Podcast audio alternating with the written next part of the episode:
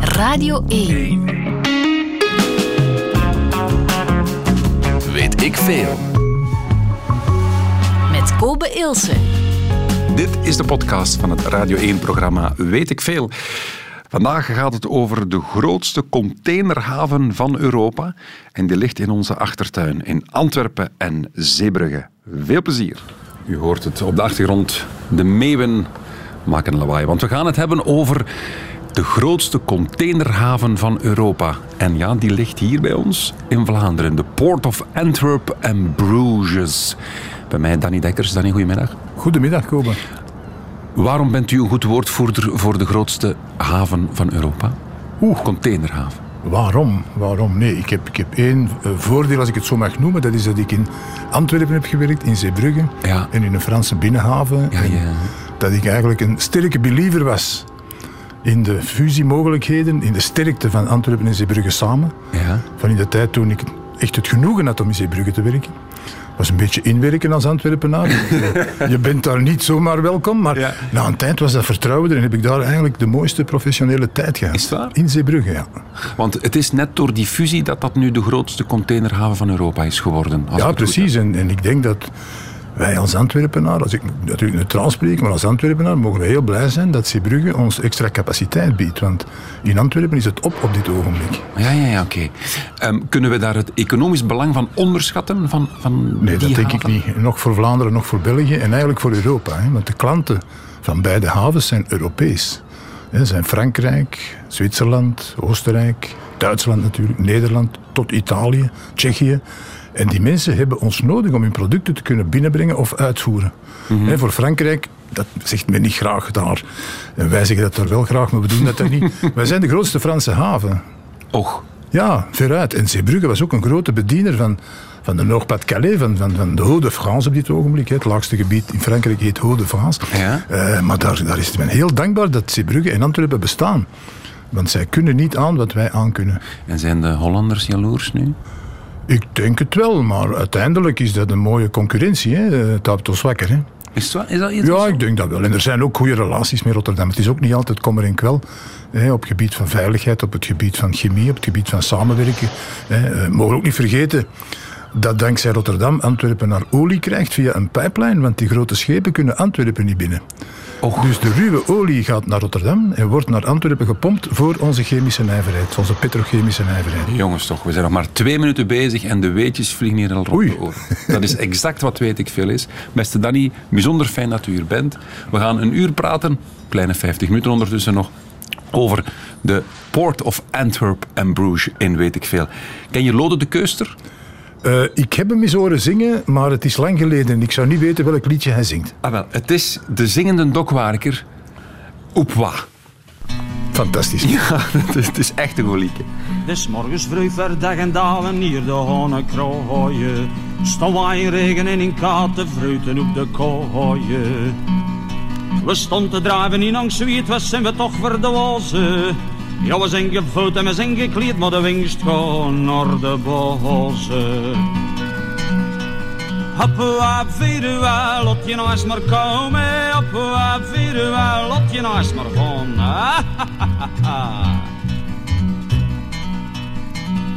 En s'avonds van het laburen staat, joh, dat zijn straffe toeren. De werkman die slop bij zijn wijven en bos bij deuren hoeren. Ik wil geen goud, ik wil geen macht, ik wil rechtvaardig werken. Rechtvaardigheid wordt eer verkracht, weet geld is de sterke. Hop, hop, vieren we, laat je nou eens maar komen. Hop, hop, vieren we, je nou eens maar gaan.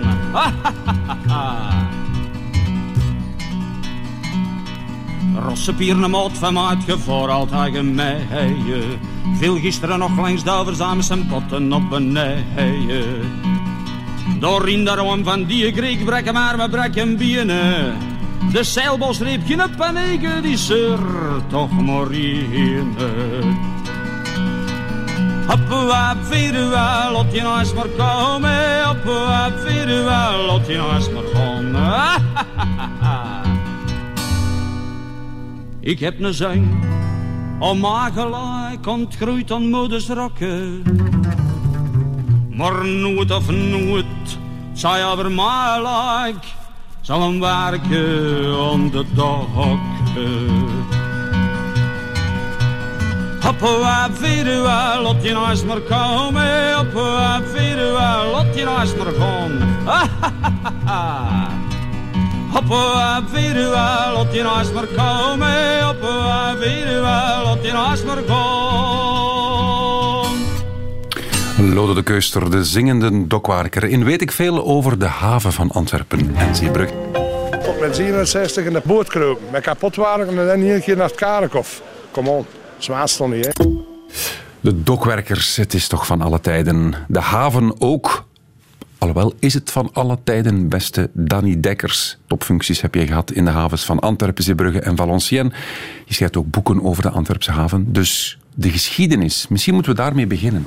Is het altijd een wereldhaven of toch een Europese haven geweest aan de top?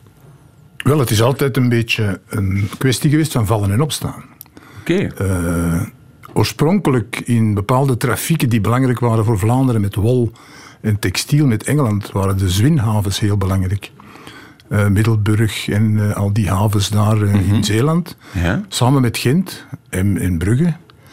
Maar dan is er verzanding gekomen natuurlijk. Er is een, een, een natuurlijke verzanding gebeurd die maakte dat die havens wegkwijnden en zich niet konden verdedigen. We waren toen nog niet begunstigd met baggeraars, wereldbaggeraars zoals Deme en de Nul en anderen.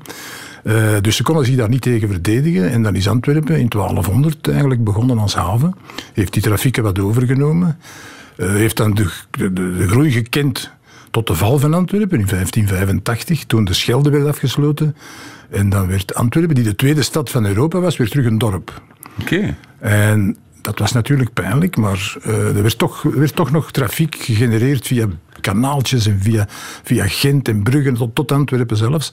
Dus er is altijd al een samenwerking geweest. Hè. De meeste mensen weten dat niet. Die zwinhavens bestaan nu nog. Je kunt daar prachtige fietstochten maken. Ja. Eh, en Zeebrugge is ondertussen gekomen. Hè. Dus eh, was een, een vissershaven, is dan een militaire haven geworden. Ja. Is uitgebouwd en dan heeft men ingezien dat daar bepaalde voordelen lagen natuurlijk, voornamelijk in wat men noemt short sea shipping. Dat is het korte, de kustvaart naar Scandinavië, naar Engeland. Hè. Dus de, de, de, grote bloei van Zeebrugge is begonnen met de Engelandvaart. Met zelf wagons op schip. Hè. Eh, dus de trein rijdt ferryboats, ja, ja, ja, dat is de ontstaan geweest van ferryboats in Zeebrugge. Ze hebben dan een grote bloei gekend en in de jaren 90 ook containers. En dat was wel een beetje de scherpte van de concurrentie op dat moment. Antwerpen kon dat niet verdragen, hè, dat Zeebrugge ook containers ging doen, want dat was exclusief hun markt. Maar er waren toen wel stemmen in de wereld die zeiden, ja, maar Antwerpen... Ik heb zelf meegemaakt eh, bij een bezoek aan, aan Evergreen in Taipei, waar de grote baas van, van Evergreen zei, ja, jongens uit Antwerpen, luister, je moet toch een beetje oppassen, want schepen boven 12.500 teu, die gaan nooit in Antwerpen geraken. Dus dat zijn 12.520 voet containers. Dat is vandaag een, een belachelijk klein schip. Hè. Ah, dat? 12.500? Ja, dat is, dat is vandaag, vandaag is een schip 25.000. En Met een diepgang van 16 meter. Dus dat was toen zeker niet zo. En toen zei hij dat al. En toen is er toch wel een beetje paniek uitgebroken eh, in het Antwerpse. En heeft Hessenatie, de grootste stouwerij ter wereld toen, hè, ondertussen niet meer Vlaams, maar is overgenomen door PSA, de Port of Singapore. We zijn internationaal aan het worden. Die hebben toen beslist van in Zeebrugge te investeren.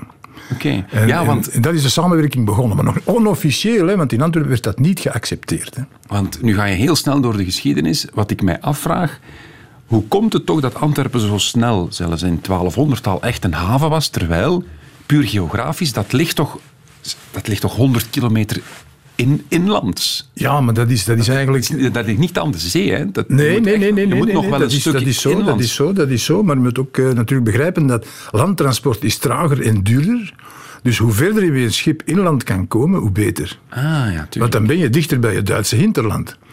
Om een voorbeeld te noemen, de, de belangrijke industriële regio Duisburg tot Mannheim, Ludwigshafen en verder. Wij liggen dichter dan de Duitse havens. En dankzij een kanaal, het Schelde-Rijnkanaal, varen wij naar Duisburg binnen de dag. Hè. ja, Dat kunnen ze in Duitse havens maar van droom, want ze hebben die rivieren en kanalen niet. Dus daar is een voordeel, ook voor Rotterdam. Hè. Rotterdam en Antwerpen delen daar het voordeel van de Rijn. Maar dat was toen al zo. En, en, en dus werd ook eh, vanuit Antwerpen werden die, werden die eh, landen bediend, voornamelijk Duitsland, met paard en kar, hè, de fameuze Hessen-natiewagens, de Noord-natiewagens, die in Europa rondreden, eh, met, met boerenpaarden, met natiepaarden. Dat was een fantastische tijd natuurlijk. Hè. En dat werd uitgewisseld. Hè. Dus goederen die Duitsland exporteerde, of toen de Duitse deelstaten, uh, die kwamen via Antwerpen. Oké, maar er is zelfs al sprake van Antwerpen in de tijd van de vikingen. Kan dat? Dat Of- wordt of is gezegd. dat een mythe? Ja, dat wordt gezegd. Men zegt ook dat de naam Antwerpen daar vandaan komt. Hè. Ah ja? Want een vikingschip dat aanligt is Aanwerpen. Hè. En dus het, het vastmaken van een vikingschip zou Antwerpen kunnen betekenen. Nu, er zijn veel betekenissen. U kent ook de, het verhaal van het afkappen van de hand van de reus. Hè. Ja. Het wegwerpen, handwerpen. Hè. Er is ook een, een, een bepaalde strekking die zegt nee, het is het zand dat in één bocht van de rivier aanwerpt. Hè. Dus er zijn verschillende. Natuurlijk, die van de reus is het leukste. Hè. Dan kunnen we nu koekjes maken en chocolaatjes. en, en kunnen we dat op ons bier zetten. Hè. Dus Dus zegt de historicus De Wever B eh, daarvan? Oh, maar ik ben geen historicus. Hè. Ik denk dat hij de waarheid kent. Oké. Hè, maar ook graag heeft dat er drie waarheden zijn. Tuurlijk. Hè, dan dat kan men wel eens de lekker, ene hè. op de... Ja, voilà. Ja, tuurlijk. Precies. Dus die vikings, daar zijn we niet zeker. Ja, die zijn er geweest. Die zijn er Die geweest. zijn er geweest, dat is duidelijk. Maar of het dan echt al een, een commerciële haven was, een economisch... Nee, dat is, Dat, is, dat is niet op dat moment nog niet echt gebeurd. Oké, Ja, dat- nee, dat is echt later gekomen, vanaf 1200. Ook in die woltrafieken, ook in die textieltrafieken. eh, tussen Engeland voornamelijk en, en het Ah, ja. continent. Ik lees dat Napoleon hier ook zijn dingen komen doen. Oh, Napoleon, zonder Napoleon zat ik hier niet. Hè. Want Napoleon heeft de Schelde terug heropend hè, en heeft ook beslist van de twee eerste dokken te graven, omdat hij in dispuut lag met zijn militairen, met zijn marine. Die zei, zei, we gaan in Antwerpen liggen. Het, pistool gericht op het hart van Engeland. Dat is ideaal. Ze gaan denken dat ik in Franse havens met militaire vloot ga liggen. Nee, ik ga die in Antwerpen liggen. Maar zij zegt, luister, dus, chef, dat gaat niet. Hè. Eh, want weet u dat, dat er zes meter getijden is twee keer per dag? Als wij daar liggen, op de reden van de Schelde, die schepen gaan op en af. Wij moeten altijd aan boord blijven. De Schelde stijgt en... Twee, twee maal per dag zes meter. Dus dat is heel, heel onaangenaam als je op een schip zit. Heeft hij gezegd, oké, ik ga een oplossing zoeken. Heeft hij laten zoeken. De eerste sluis is gebouwd. Met dan bassin 1 en bassin 2 aan het mas vandaag. Ah. nu, nu natuurlijk... Het Willemdok is dat nu, denk ik. Bonaparte dok. U bent Nederlands gezien, natuurlijk dat u. Maar het was koning Willem die Napoleon terug heeft weggejaagd. Oei. En gezegd heeft, nu wil ik hier een dok, want dit is een prachtige haven. Maar je hebt wel de Napoleon-kaai daar, Ja, denk ook, ik. ja. ja. ja, en Bonaparte Ah, dok. dat komt daarvan. Maar Willemsdok is koning Willem. Hè. Dat was de laatste Nederlander die zei dat Antwerpen de beste haven ter wereld was. Maar hij had gelijk. en dus ja, die evolutie gaat nu verder. Hè. Nu, nu terug met het samenkomen. Hè. We hebben nog moet één klein probleempje in het midden, dat is Gent. Want Gent heeft zich ondertussen terecht aangesloten bij de Nederlandse havens van de Schelde. Ah, ja. Vlissingen, Terneuzen. En, en heeft nu North Seaports. Ja. Dan Zijn we een beetje te laat om de integratie volledig Vlaams te maken. Ja, maar dat is een kwestie van tijd natuurlijk. Baron Lambermont moeten we nog even name droppen, denk ik. fantastische man geweest. 1863. Hè, dat is, eh, onwaarschijnlijke diplomaat, wereldniveau. Niemand kent die te goed. Heeft de slavernij doen afschaffen op wereldniveau. Maar heeft er ook voor gezorgd dat de Scheldetol werd afgeschaft. En dus wij moesten eh, tol betalen, elk schip dat binnenkwam aan Nederland, want het Schelde ligt Ja, op ja. Nederlands grondgebied. Ja, Westerschelde En dat kostte zo, onwaarschijnlijk veel geld. Ik heb mij ooit laten vertellen dat het 2,3 miljard zou zijn dat we nu elk jaar aan de Nederlanders zouden moeten betalen. Die Labermont heeft dat genegocieerd op internationaal vlak. Met alle belangrijke staten van toen. Er was het Vaticaan bij. Er waren Zuid-Amerikaanse staten bij. Er waren de Duitse lender bij. Die hebben allemaal bijgedragen. En de Nederlanders stuk op geld. En gezegd, ja, kom, laat maar komen. En, ze, en die tol is afgekocht. Dat is formidabel. Hij heeft ook het idee aangebracht om een schilderijkanaal te maken. In 1863. We hebben het dan in 1975 gekregen van de Nederlanders. Maar vanaf toen zijn we echt een Rijnhaven. En dat weet ook niemand. Wij zijn een Rijnhaven. Wij hebben de statuut van, van een Rijnhaven. En wat, wat wil dat dan zeggen? Dat al die trafieken naar Duitsland en Zwitserland via Antwerpen perfect Ah, ja, kunnen lopen. tuurlijk. We varen naar Basel in 7, 8 dagen. Met schepen met 400, 500 containers. Ja, want wij linken dat vooral aan de Schelde, maar Ja, de ja, precies. is... Ja. de binnenvaart. Het, het omzetten van zeevracht naar eh, Europese vracht, liefst op binnenschip en trein en niet op vrachtwagen, dat is een troef voor Antwerpen. Absoluut. En dat mist Zeebrugge nog een beetje. Daar moeten we nog goed samenwerken om dat te bestendigen, want die kunnen niet met lichters tot in Zeebrugge geraken. Oké. Daar is de zee een beetje spelbreker, maar er zijn oplossingen voor. Tot zover de beknopte geschiedenis van die haven van Antwerpen. Echt beknopt hoor. Echt beknopt, hè. Straks gaan we babbelen over de cafés. Moeten we doen. Oei. Moeten we doen. Maar eerst vader Abraham. De avondzon valt over straten en pleinen, de gouden zon zakt in de stad. En mensen die moe in hun huizen verdwijnen, ze hebben de dag weer gehad. De neonreclame die knipoogt langs ramen, het mot regent zachtjes op straat. De stad lijkt gestorven, toch klinkt er muziek uit een deur die nog wijd open staat.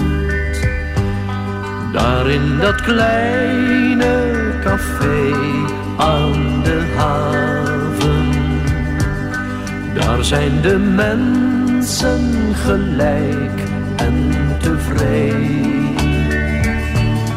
Daar in dat kleine café aan de haven. Daar telt je geld of wie je bent niet meer mee. De toog is van koper, toch ligt er geen loper. De voetbalclub hangt aan de muur. De trekkast die maakt meer lawaai dan de jukebox. Een pilsje, dat is er niet duur. Een mens is daar mensrijk of arm, is daar warm. Geen monsieur of madame, maar wc. Maar het glas is gespoeld in het helderste water. Ja, het is daar een heel goed café. Daar in dat kleine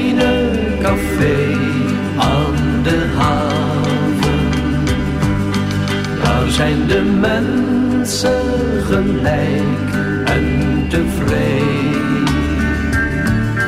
Daar in dat kleine café aan de haven. Daar telt je geld of wie je bent niet meer mee. Wereldproblemen die zijn tussen twee glazen bier opgelost voor altijd. Op de rand van een bierviltje staat daar je rekening of je staat in het krijt. Het enige wat je aan eten kunt krijgen, dat is daar een hardgekookt ei. De mensen die zijn daar gelukkig gewoon, ja, de mensen die zijn daar nog blij. Daar in dat kleine café aan de haven, daar zijn de mensen gelijk en tevreden. Daar in dat kleine café aan de haven. Daar telt je geld of wie je bent niet meer mee. Daar in dat kleine café. Ik betrap mezelf erop dat ik begin mee te wiegen met het kleine café aan de haven van Vader Abraham. In weet ik veel over de haven van Antwerpen.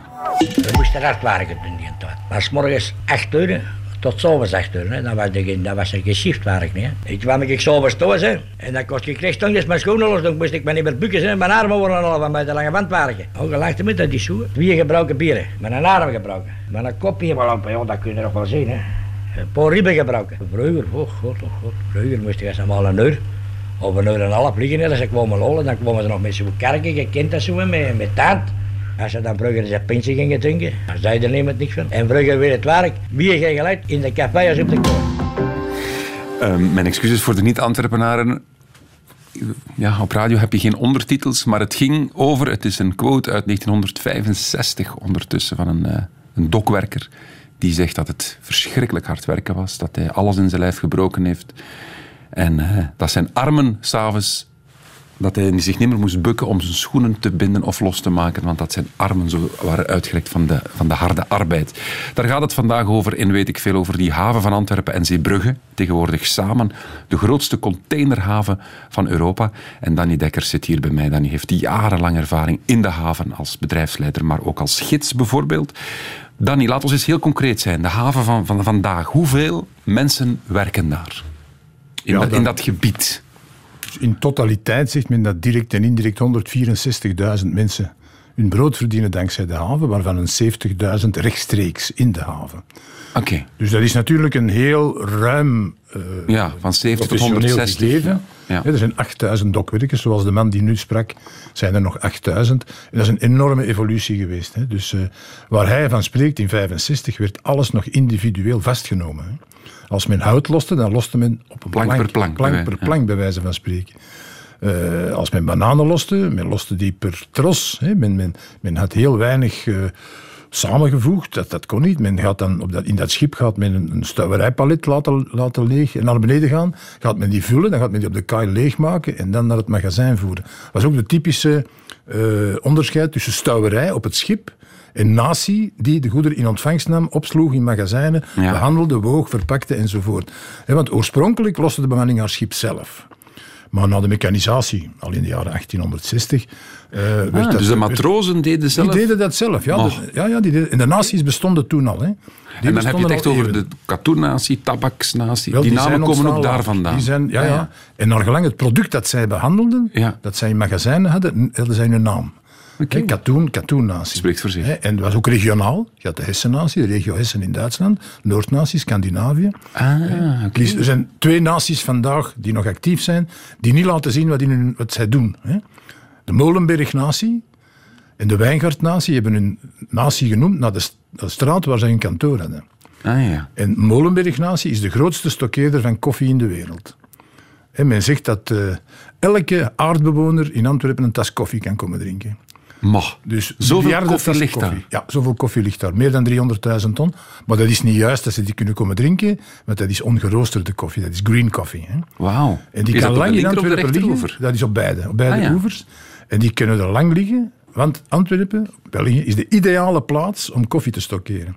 Vochtig genoeg, niet te warm, enzovoort. Zolang dat de koffie niet uitdroogt, maar ook niet aan gewicht verliest. Dus die mensen moeten niet altijd een airco gebruiken. Die kunnen soms gewoon hun poorten openzetten dankzij het Belgische weer. Als je daar was voorbij dus- fietst, dat geurtje moet wel interessant zijn dan. Ja. Nee? Ja, Ruik je dat ook effectief? Ja, dat ruik je. Maar wat je ruikt zijn de jute zakken. Je ruikt de koffie niet, maar de zakken waar het in verpakt is. Ja, ja, ja. ja. Dat is zeer eigenaardig. Maar enfin, ik dwaal even af. Dus de arbeid was toen heel, heel intensief, heel gevaarlijk.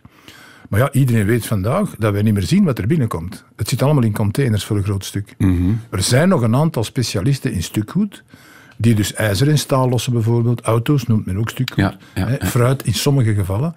Hè, maar dus die, dat, dat aantal naties die zich daarmee bezighouden, wordt beperkt. Ja, ja, ja. Want alles zit in containers tegenwoordig. Hè. Het is gewoon te gek. Hè. De romantiek is weg.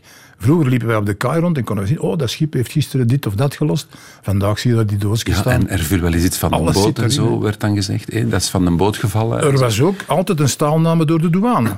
Ah, en voilà. Mensen moesten toch weten wat het was. Hè. Ja. En dan moest dat zogezegd naar de verificateur en die ging dat controleren. En bepaalde ladingen waren interessant. Er moesten meerdere stalen genomen worden. Dus de douane had altijd koffie genoeg. Hè? Ja, koffie en andere zaken. Ja, ja, ja. Ja, ja, ja. Maar Je ik, zegt- heb ze, ik heb ze ook wel andere zaken van boord durven nemen die dan achteraf bleken totaal rampzalig te zijn. Ah, oei. Planten bijvoorbeeld, waar ze dachten dat dat iets speciaal was. Of cacaoboter. Hè. Maar dat kan je niet op je boterham smeren. Hè. Dat is echt voor de verdere productie van choco en zo.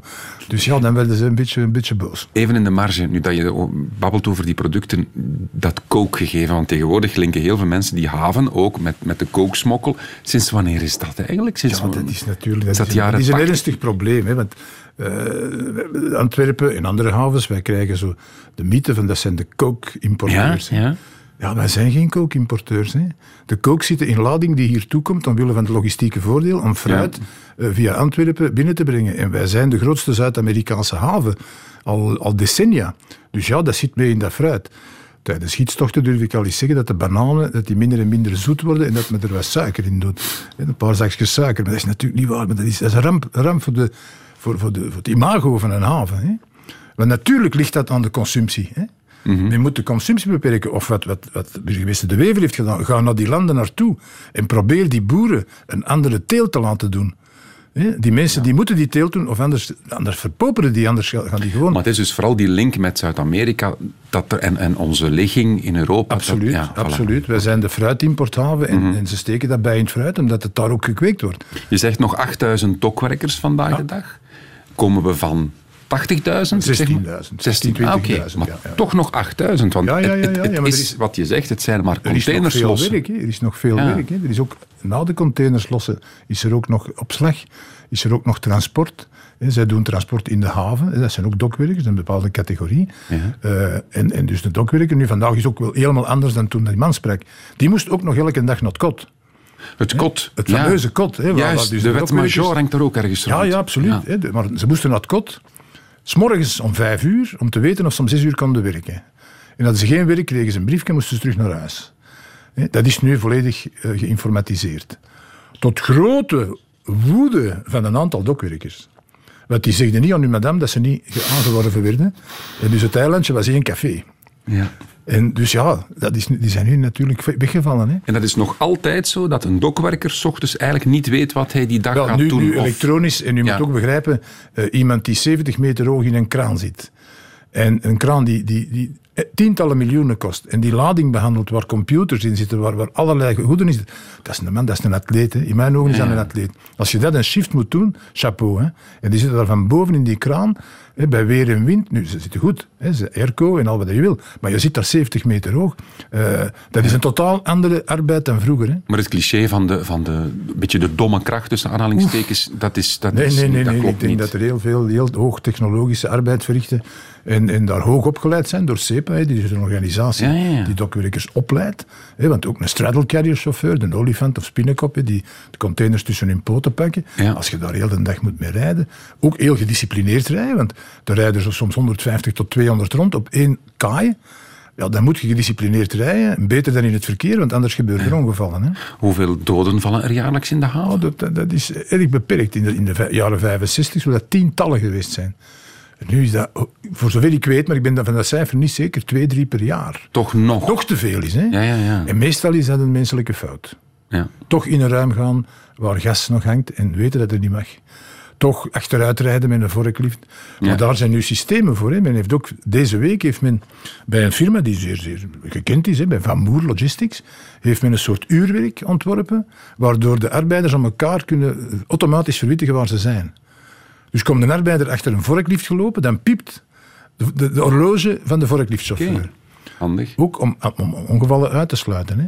Naast die dokwerkers, wie werkt er nog in die haven? Ja, er zijn natuurlijk heel veel mensen die in de industrie werken. Hè, groot, Ja. Grote bedrijven die een duizenden mensen eh, werk geven. Hè. BASF, Monsanto, of de oude Monsanto, dat is nu eh, een naamsverandering. Ook Bayer heeft een naamsverandering, is nu eh, Covestro. Ehm, en Evonik was de oude Monsanto. Maar dan ook de raffinaderijen natuurlijk, Total. Hè, eh, Total Energies, Esso. En dat zijn natuurlijk grote, grote, grote Ja. getallen. Hè. Ik maar zei het wel. douane heb je, denk ik. Heb je ook een echte havenpolitie? Heb je dat Er is, ook? een, er is natuurlijk een maritieme politie, ja, Maritieme een zeevaartpolitie. politie, Er is nog. natuurlijk ook veel eh, douane nog aanwezig, alhoewel heel veel elektronisch gebeurt. Maar vroeger had je op elke kaai een douane in een obedje zitten. Hè, en dat is een ongelooflijk leuke geschiedenis rond. Wij hadden paardenstallen. Als u de Noorderlaan naar beneden rijdt, rechts zijn er zo oude magazijnen, dat waren paardenstallen. En daar kwamen de paarden toe uit Argentinië, levend. En vandaar werden die naar het slachthuis gedreven. En dan werden die daar gefileerd tot eh, de lekkere filet d'Anvers natuurlijk. Hè. Ja. Eh, dat is al jaren niet meer zo. Maar op het einde, als die schepen daar niet meer kwamen en het vlees al in container kwam, in diepvriescontainers, was er een douane die nog elke dag naar zijn werk ging. Men was vergeten van die man te zeggen, je moet daar niet meer naartoe. En die ging daar naartoe, zijn krant lezen. Tot na een jaar of twee dat hij zegt, "Oh, de chef, waar zit de chef? Maar zit hij nou nog in de paardenstal? Dat kan toch niet? En toen is men die man gaan zeggen, zeg, jij moet hier niet zijn, hè vriend? Maar die dat niet "Ja, maar door." Niemand heeft het mij gezegd. Ik heb al wel lang geen paard meer gezien, maar ik zit hier nog. Dus ja, dat zijn, er zijn zo'n anekdotes. eh. Mooi verhaal. Wat is het, ik, ik noem het nu even, het klopt natuurlijk niet, maar wat is het BBP van de haven? Snap je wat ik bedoel? Wat, is Ja, dat- ja, wat draait natuurlijk. die haven als wordt Gewoonlijk omzet? drukken we dat heel graag uit in toegevoegde waarde. Ja. Dus de, de havens eh, geven 21 miljard euro toegevoegde waarde aan onze economie. Dat is gelijk aan wat het onderwijs kost. En dan quoteer ik Mark van Peel, de vorige schepen, die dat ooit gezegd heeft. Dat is bij mij altijd blijven hangen. Ah, ja, ja. Dus men kan heel het onderwijs betalen met de opbrengsten uit de havens. En, en, en- dus dat is enorm. Dat is een enorm budget. Oh, amai, als je dat zo vergelijkt. Nu is dat niet zo. En dus van, qua bruto inlands product is het 6% ongeveer. Wat ook niet te versmaden is. hè. 6% lijkt niet veel. Nee, op, een nee, hele economie, zegt, op een hele economie is dat wel heel veel. Nog een paar korte gerichte vragen. Hoe groot is de haven precies? Kan je daar een aantal voetbalvelden op kleven? Ja, dat is op dit ogenblik is dat nu dankzij Zeebrugge erbij en 24.000 voetbalvelden. Dus dat is ook ongelooflijk eh, ruim. Hè. Dus dat is rechteroever, linkeroever en dan Zeebrugge erbij. Ja. Ehm, Zeebrugge is natuurlijk niet zo groot, hè, want Zeebrugge zit geprankt eh, en is een doorvoerhaven meer. Antwerpen is een opslaghaven. Hè, dus in Antwerpen eh, zijn er magazijnen zoveel als andere Europese havens samen. En dat heeft dus te maken met die naties die al van in de 13e, 14e eeuw zijn beginnen investeren in magazijnen. Men ziet er nog oude in Antwerpen, het Felix-pakhuis. Ja, en in ja, die ja. buurt heeft men nog magazijnen. Lekker eten nu daar. Ja, ja, precies. En daar ziet u dat kraantje nog hangen. Want de goederen die vanuit zeilboten kwamen, werden toen met een kraantje binnengebracht. En een paar maanden later vertrokken die dan. Maar al die naties waren daar gevestigd. Tot op de paardenmarkt.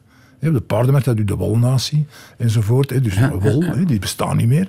Maar er zijn er nog een aantal weggevallen, er zijn er nog een aantal gebleven.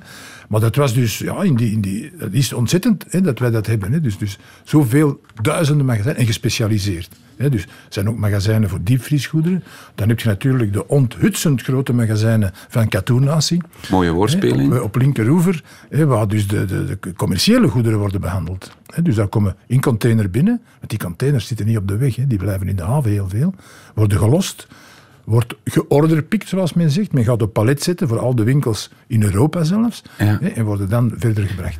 Er wordt dat is zo- dus formidabel. Er is zo'n is zo'n gezegde, een, zo- een volkswijsheid, dat elk huis in Europa heeft iets van IKEA in, in, in het interieur. Iets.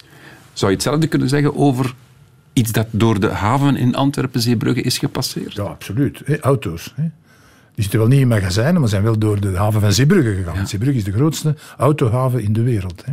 Dus elke Maar- Europeaan heeft iets in zijn bezit Want- dat door de haven is gepasseerd. Want Katoen-natie, om ze nu nog eens te noemen, hè, het is ook de grootste stokkeerder in de haven, doet Decathlon, Leroy Merlin, Quicksilver, Daikin. Dus al die zaken die u in- in de ruim omgeving in Europa verkoopt, zijn door de Antwerpse haven gekomen. De bananen, praktisch allemaal. Tot en met de Tsjechische bananen, want ik weet niet of u dat weet, maar die eten kleine banaantjes. De Tsjechen. Ja, die, die willen absoluut kleine banaantjes en die bakken die. En wij hebben grote bananen. Hè? En u weet dat de bananen recht zijn als ze binnenkomen, hè? maar die worden scheef geslagen. Hè?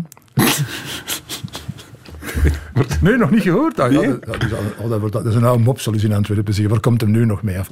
Nee, maar dat is dus, eens. Dus, maar wel, dat, dat wordt Ah, ja. scheef geslagen door de dokwerkers. Hè? Ah, scheef geslagen. Sorry voor mij. natuurlijk. Nee, dat is een goeie. Ik moest er even... Het ligt aan mij. Het ligt aan mij. Otis Redding, sitting on the dock of the bay. Sitting in the morning sun. I'll be sitting when the evening comes. Watching the ships roll in. And then I'll watch them roll away again. Yeah. I'm sitting on the dock of the bay. Watching the tide roll away. Ooh, I'm just sitting on the dock of the bay, wasting time. I left my home in Georgia, headed for the Frisco Bay. Cause I've had nothing to live for, and look like nothing's gonna come my way.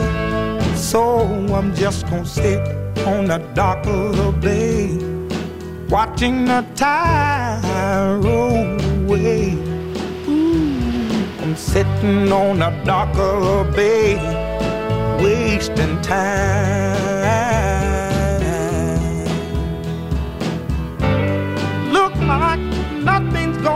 Change. Everything still remains the same. I can't do what ten people tell me to do. So I guess I'll remain the same. Listen, sitting here resting my bones. And this loneliness won't leave me alone. Listen, 2,000 miles I roam just to make this dock my home. Now I'm just gonna sit at the dock of a bay, watching the tide roll away. Ooh, I'm sitting on the dock of a bay, wasting time.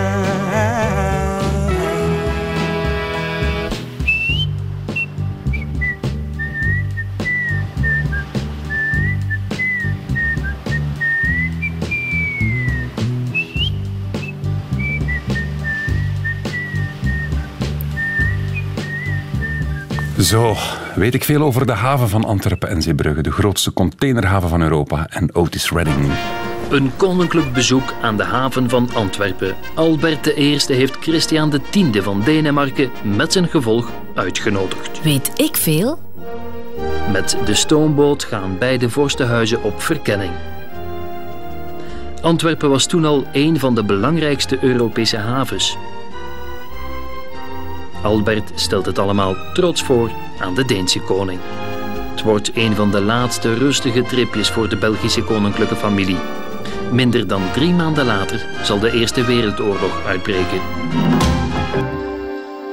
Zelfs in 1914 waren we al bijzonder trots op die haven. En vandaag hebben we al geleerd van Danny dat we al sinds de 13e eeuw eigenlijk heel trots mogen zijn op die haven. En dan ligt het wel eens een paar honderd jaar wat stiller, maar dan is daar Napoleon die het weer redt voor ons. En op dit moment zijn we dus, of hebben we de grootste containerhaven van Europa. Uh, Danny is bij mij de gast. Danny Dekkers, topfuncties heb jij gehad in de haven van Antwerpen, Zeebrugge en ook Valenciennes. En je gids daar ook. En tijdens het nummer van Otis Redding zei je, er is ook een prachtig natuurgebied in de haven. Ja, inderdaad. Uh, de meeste mensen weten dat niet. Ik, ik maak er niet altijd eh, veel uh, reclame rond, want het is ook een rustgebied voor de vogels. Oké. Maar uh, 170 soorten komen daar aangeland elk jaar bij de migratie. Hè, zowel naar het noorden op dit ogenblik, naar het zuiden in oktober. Ja. En dat is een prachtig natuurgebied. Er zijn kijkhutten. Dus en hoe heet het? De uh, kuifeend. De kuifeend. Kuifeend, dat is een van de eenden die daar verblijft. Ah ja. Eh, Het is een prachtig gebied, hè. Wordt, wordt beheerd door Natuurpunt Vlaanderen in overleg met de haven. De haven levert er ook assistentie als er iets moet gebeuren, van aanpassingen of het wegvoeren van, van, van snoeihout of zo. Ja, ja. En, waar ligt dat precies? Ja, dat ligt eigenlijk ongeveer eh, waar de plan 2 van General Motors vroeger was, in de spoorbundel. Want dat ligt dus in de ja. spoorbundel eh, Antwerpen-Noord, Dat is de hè? grootste triagestation in Europa. En daar zijn een aantal plasjes, en dus die worden nu vrijgehouden, worden ook eh, door Natuurpunt onderhouden. Ludo Benoy is daar de conservator. Formidabel man, maar ik, eh, als ik er met een bus kom of ik kom met mensen en ik zie Ludo, dan steek ik mij weg. Want iedereen denkt, oei, die is, die is onbeleefd, die wil Ludo niet zien. Ja, wel, ik wil Ludo heel graag zien. Maar dan komt hij af en zegt hij, ik heb daar een blauw bekvogeltje gezien. Die een nest aan het bouwen. Je moet even meekomen, maar dan ben ik een half uur, drie kwartier weg. Hè, dus ik, als ik er alleen ben, dan neem ik al de tijd voor Ludo. Maar Ja, als ja, ik met een ja. groep ben, dan kan ik dat niet Begrijp doen. ik. Maar ik heb daar onder andere Europese parlementariërs rondgeleid, die, die, die, die stom verbaasd keken, in het midden van een haven, een rustplek. En dus het is geen mythe, hè, ik weet dat ook van ornithologen, die vogels zingen daar harder dan waar ook in Europa. Want die moeten de industriegeluiden en de havengeluiden overstemmen, het mannetje om het vrouwtje te lokken. Dus die geven Dus- meer... Ja, die, geven meer, eh, die maken meer lawaai. Maar, En dus in het weekend dan, hè, dan is de, de haven kalm, dan is dat uniek om opnames te maken, schijnt het. Allee. Dus dat is formidabel. En er zijn nog andere zaken voor de natuur. Hè. Eh, ook nu nog, ik heb onlangs nog gezien, eh, de, de oeverzwaluwen. De grootste kolonie oeverzwaluwen in de wereld is in de haven van Antwerpen. En die kunnen daar op bepaalde plaatsen zo rustig zitten dat die van industrie en haven geen last hebben. Danny, we gaan ook niet hypocriet doen. We gaan van die, van die regio ook geen groene droom maken. Hè? Nee, natuurlijk, is ook niet, wel natuurlijk niet, maar het gaat hand in hand. Ja. Het gaat hand in hand. Eh, we mogen ook niet vergeten, in de jaren 50, na de Wereldoorlog 2, hè, dat de industrie gekomen is en dat iedereen zijn pollen kuste, om het ook wel eens zo te zeggen. Dat die industrie er kwam, met iedereen had terug werk Ja. hè, en het leefde op. En, en Vlaanderen leefde op dankzij de industrie, hè, Mhm. voornamelijk in Antwerpen. En, en, en ook in het Gentse. Maar ondertussen... Ik ben, En zelf, ondertussen is natuurlijk de mentaliteit ik ben zelf van Zwijndrecht, Danny. Het PFAS-verhaal hangt daar als een donkere wolk. Gisteren is die nieuwe ethaankraker voorgesteld, waar dan ook weer protest op Ja, komt. die, die, die, die, die toelating is gegeven door de regering om dat, om dat uit te bouwen. Maar natuurlijk, je moet ook zien, dat zit in een keten. Als dat niet mag, dan gaan er andere fabrieken dicht. Hè. Mhm. Als we dan echt werkloosheid willen creëren, dan moeten we nu hard op de rem gaan staan. Hè. Maar je begrijpt zeker- Natuurlijk, eh, eh, de, die men- mensen van die Ineos hebben tien jaar de tijd om volledig groen te worden. Eh, Gisteren is ook in, in, in, in Amerika dus de investering van Plug aangekondigd van 300 miljoen hè, voor, het, voor het maken van eh, groene waterstoffabriek gaan die, gaan die bouwen. In, in, In de haven op de oude Opel-site. hè. Dus Ah, ja, de Opel-site ja. die gesloten is, eh, al een aantal jaren terug. Daar komen nu start-ups, maar ook belangrijke bedrijven in het kader van groene energie. Daar komt ook een bedrijf dat onze banden terug zal saneren en gebruiksklaar maken voor andere producten. Mhm. Daar komt een investering van Ecopac het eh, zuiveren van water, zodat het industrieel kan gebruikt worden. Dus al die zaken zijn duurzaam. De haven op dit ogenblik, soms heb ik het daar moeilijk mee. Je gaat zoveel in op dat, dat het aspect maritiem verdwijnt. We- soms weten we niet meer dat we een haven zijn. Soms zijn we een industriegebied. Ja, ja, op die manier. Op Ja, die ja, manier, ja. Dus, maar maar oké, eh, dat is een beetje ik zeg, maar dat is natuurlijk niet zo. Eh, maar, maar, maar die industrie, ja, die, moet, die moet zuiverder worden. Wat men op Linkeroever heeft ontdekt bij 3M. Ik heb nog per ongeluk deze week, toen ik een opzoeking deed, het artikel gevonden toen de oprichting van 3M werd aangekondigd. Ja, dat was toen volgens de normen volledig harmless. Hè. Dat was, dat was totaal, totaal ongevaarlijk. Ja, onze, onze, onze kennis van producten stijgt ook altijd maar. Hè. We wisten ook niet dat, dat bepaalde producten van vroeger dat die zo slecht waren. Hè, die men toevoegden. Hè. Asbest is ook zo'n voorbeeld. Als we toen moesten geweten hebben hoe gevaarlijk asbest was, had toch niemand asbest in zijn Nee, nee, tuin dat op het tuinhuisje dat is gelegd. Hè. Terug even naar de haven. De loodsen. We hebben al over dokwerk- dokwerkers gesproken, we hebben over de douane gesproken. Er is zelfs een eigen politiemacht in die haven, de, de scheepvaart, maritieme politie, zeg je. Scheepvaartpolitie, ja. Die loodsen, dat lijken mij toch ook artiesten, want die moeten die grootste containerschepen ter wereld, en je hebt al gezegd dat er 25.000 containers op zo'n één schip, die moeten die wel door een schelde loodsen. Een schelde die ook niet zo gigantisch breed en zo gigantisch diep is. Of wel? Nee, dat is juist. Dat is juist. En ik heb eh, mijn diepste appreciatie voor loodsen. Hè. Eh, als je ziet eh, hoe die mensen inderdaad zonder grote ongevallen, hè, want er is nooit niks gebeurd. In, Zoiets zoals in het 100 jaar Suezkanaal twee jaar Nee, geleden? dat, dat- Nee, dat ik denk dat dat hier ook niet kan gebeuren. Oké. Hè, ze zijn zo onderlegd. Eh, en zij zijn natuurlijk de hulp voor de kapitein, inderdaad. Eh, je kan je niet voorstellen, maar er zijn vandaag ook kapiteins die toekomen die zelfs geen Engels spreken. Hè? Dus dan moet je daar eens een uitleg aan geven. Dus die hebben dan tolken nodig, ofwel neemt die een loods natuurlijk de verantwoordelijkheid van zo moeten we varen. Hè. En die loods neemt letterlijk over. Eh, die neemt over, maar het is de verantwoordelijkheid blijft van de kapitein. Hij is hulp.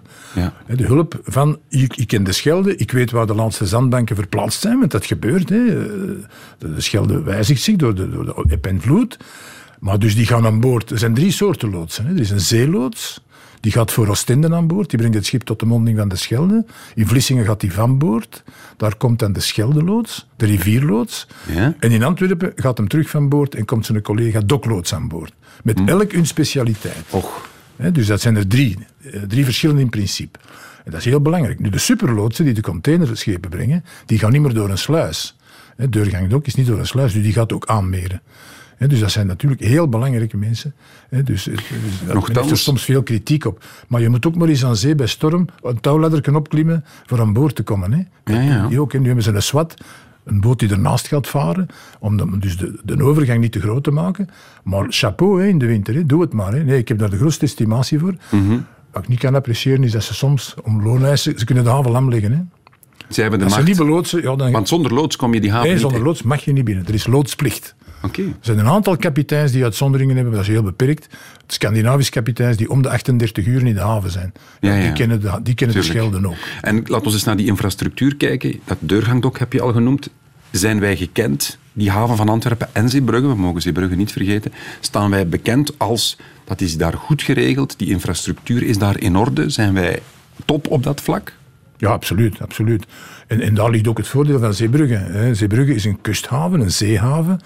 Dus als je naar een rederij gaat in het buitenland en je zit met twee departementen en de operationele mensen die willen in Zeebrugge lossen. Geen risico voor het schip, eh, touch and go, even de haven binnen, lossen en weg. De commerciële afdeling zegt, ja maar nee, de lading zit in Antwerpen. Hè. Ja. Want, want de, de, de, de, cargo generating is Antwerpen. Hè? Ook dichter bij Duitsland. Hè? En daar, daar, daar denk ik, en dat, allee, dat, ik vind dat heel belangrijk. Ik heb dat ook heel lang geprobeerd van dat iets aan op te lossen in Zeebrugge, is de binnenvaart. De binnenvaart heeft zoveel troeven, maar heeft die niet in Zeebrugge. Waarom? Omdat er een sluis is in, het, in Brugge zelf, in de stad, die maar 89 meter en half lang is. Daar wil men niet aan raken. Ik heb er alle respect voor historisch. Als erfgoed. Maar de schepen vandaag op de Rijn zijn 135 meter lang.